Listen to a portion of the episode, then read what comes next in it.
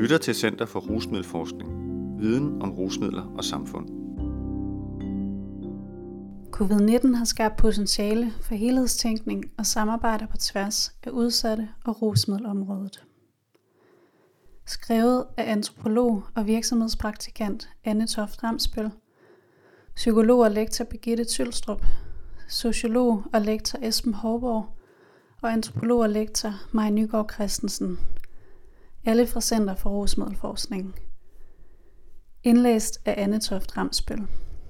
Artiklen er bragt i Stofbladet nummer 39 i sommeren 2021. Da Danmark gik i såkaldt lockdown i marts 2020, lukkede også en stor del af tilbud og indsatser på udsatte og rusmiddelområdet ned. Denne artikel har fokus på, hvordan nedlukningen blev håndteret i kommuner, regioner og sociale organisationer, og herunder hvilke muligheder for tværsektionelle samarbejder, der opstod.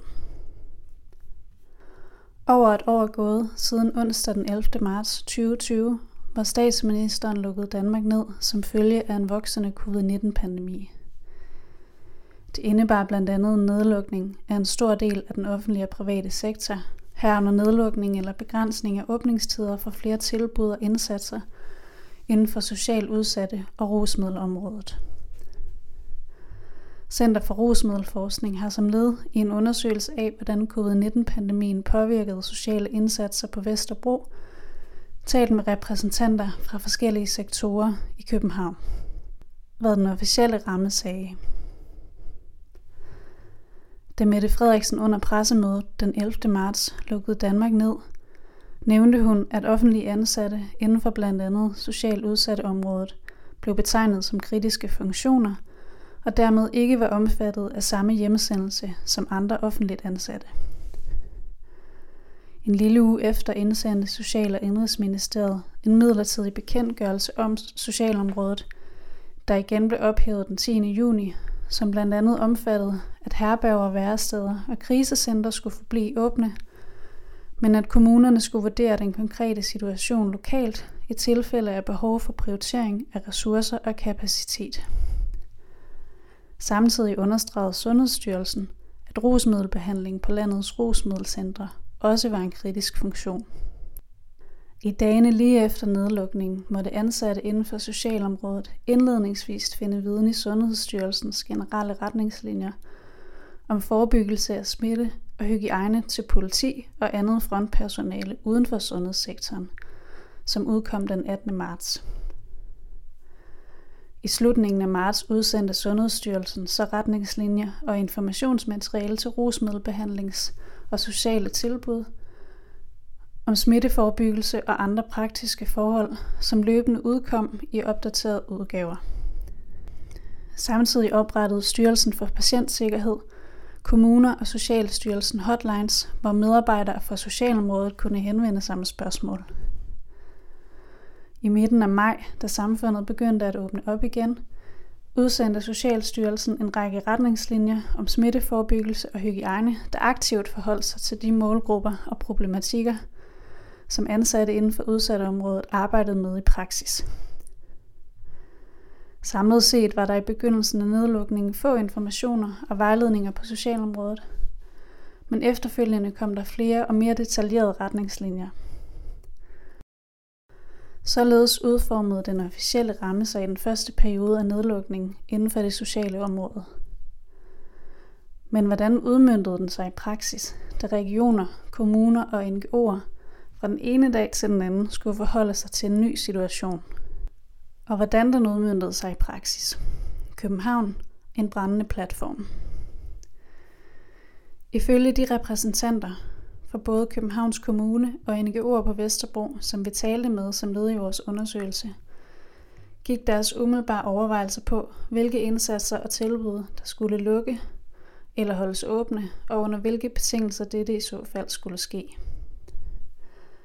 En repræsentant for et NGO-drevet værested på Vesterbro fortalte, at de efter at have besluttet at holde åbningen med overbevisningen, at deres brugere ikke ville have andre steder at gå hen, gik i gang med et kæmpe detektivarbejde for at finde hoved og hale i retningslinjerne, og hvordan de skulle omsætte dem i praksis. Hun sagde, Vi havde ikke prøvet det før, så det var jo med bind for øjnene at hoppe ud fra et højhus, og så håbe, at faldskærmen folder sig ud. På en eller anden måde, ikke?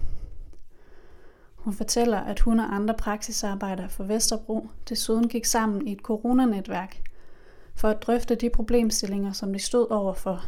Som for eksempel, hvis et socialt tilbud pludselig stod med en bruger med symptomer på covid-19, der skulle isoleres. I Københavns Kommune blev der også set alvorligt på situationen. En repræsentant fra ledelsen for socialområdet fortalte os, at de efter nedlukningen gik i gang med at kon- konkretisere, hvad kritiske funktioner dækkede over, samtidig med, at de gennem rød, gul, grøn kategorier individuelt vurderede støttebehovet hos den enkelte borger, og hvorvidt dele af støtten kunne omlægges, f.eks. digitalt eller udsættes. Alt imens nåede en central enhed inden for udsatte området at lukke ned lige efter pressemødet, for så at åbne op igen få dage efter, hvilket afspejlede, hvordan de officielle udmeldinger flere steder skabte forvirring og uklarhed. Repræsentanten fortalte os desuden, at han blev inviteret ind i det nævnte coronanetværks arbejde, hvilket udviklede sig til et tværsektionelt lokalt forum, hvor repræsentanter fra både NGO'er og kommunen løbende holdt møder og diskuterede løsninger på konkrete udfordringer, der opstod hen ad vejen. På regionsniveau beskrev en repræsentant for ledelsen udfordringen med covid-19 og social udsatte området i denne periode som brændende platform. Hendes og hendes kollegaers bekymringer gik på, om smitten i gademiljøet potentielt kunne udvikle sig med lynets hast og sprede sig i samfundet, da myndighedernes opfordring om at holde sig hjemme for nogle socialt udsatte kan være udfordrende, mens andre ikke har et hjem at trække sig tilbage til. Hun nævnte dertil risikoen for alvorlige covid-19 sygdomsforløb hos denne gruppe, og vurderede således, at der var et akut behov for at finde løsninger i forhold til smittebehandling, isolation og testning. Covid-19 har skabt samarbejder på tværs. Som nævnt blev der hurtigt etableret et tværsektionelt lokalt forum med repræsentanter fra NGO'er og Københavns Kommune i dagene ned efter nedlukningen. Også i forhold til Region Hovedstaden opstod der i denne tid nye former for tværsektionelt samarbejde. Efter at have været i dialog med både kommunen og praktikere, indkaldte en leder fra regionen til et møde den 17. marts med repræsentanter fra somatiske og psykiatriske hospitaler, sociale tilbud, NGO'er, kommunen, akutberedskabet og regionens udsatte råd. Lederen fortalte os, at deltagerne på dette og et opfølgende møde blev enige om, hvilke udfordringer de stod overfor, og hvem der var ansvarlige for at løse dem. En repræsentant for en af NGO'erne fortalte også, hvor usædvanligt det var, at højtstående chefer fra så mange forskellige områder nu sad til bords med praktikere om et fælles fokus på socialt udsatte området. Hun sagde, altså, masser af mennesker, og jeg sidder og tænker, det her sker simpelthen ikke. Det er helt vildt. Og når jeg, direktøren for 112, og ham, der er chef for akutberedskabet, altså ambulancerne og sociolancen, det er helt flippet. Sådan et møde ville aldrig have fundet sted under normale omstændigheder. Hun fortalte, at der i samarbejdet blev lyttet til praktikerne, og at der som noget nyt kom hul igennem til højere ledelseslag i både kommune og region, med hensyn til formidling af erfaringer fra NGO'ernes hverdag. For eksempel nævnte hun problematikken om, at socialt udsatte mennesker ofte havner mellem to stole, kommune og region – når de har været på hospitalet og herefter udskrives direkte til gaden.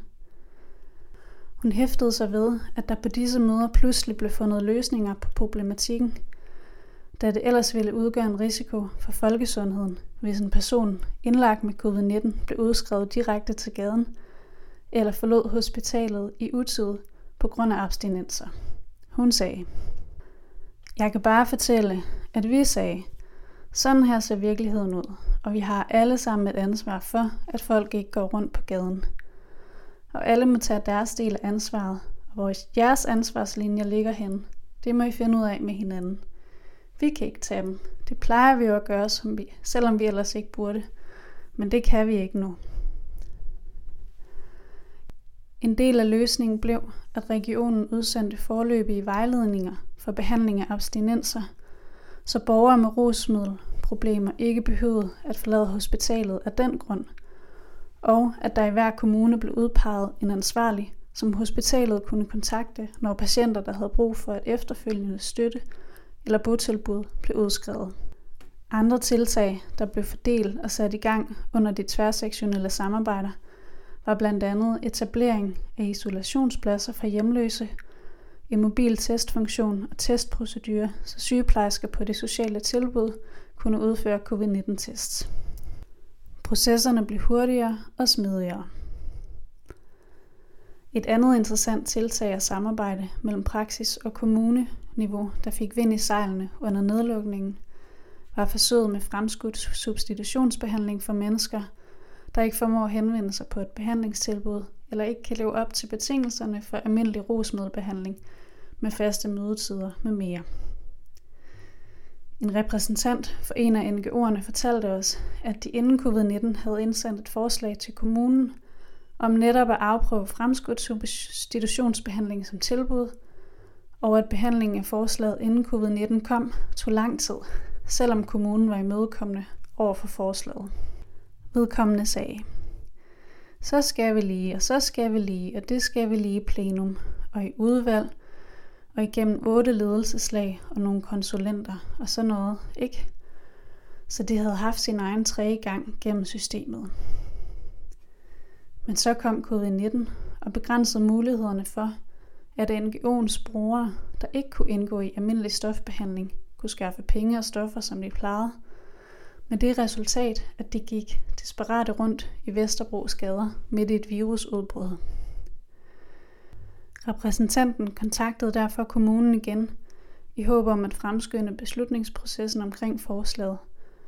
Og to dage efter dette blev en læge sendt ud med medicin til de pågældende brugere, således at stofbehandlingen kom ud til dem frem for den anden vej rundt.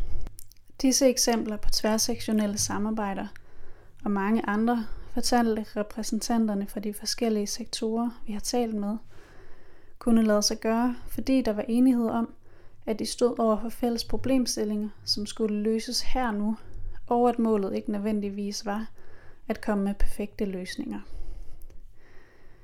Derudover lagde de vægt på betydningen af, at det var ledere med beslutningskompetence, der deltog i samarbejdet, og at lange hørings- og beslutningsprocesser blev forkortet med stor effektivitet til følge.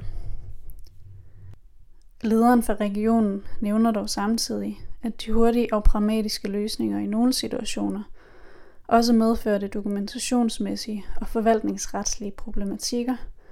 For eksempel, at det ikke umiddelbart kunne dokumenteres over for de udlandske socialt udsatte, der ikke havde TBR-nummer, hvis de var smittet med covid-19 og skulle i isolation. Covid-19-krisen affødte således både potentialer for samarbejde, hurtig og effektiv handling, men viser samtidig også de problematiske aspekter af, hvad der kan ske, når almindelige forvaltningsmæssige regler og rutiner udlades. En brændende platform giver mulighed for forandring. Den brændende platform og dens fundament for de pragmatiske løsninger og tværsektionelle samarbejder, der opstod på baggrund af nedlukningen i marts 2020 og månederne frem, illustrerer, hvordan kriser og behov for hurtig handling kan være et springbræt til videre til handlerum for forandring og nye måder at gøre tingene på.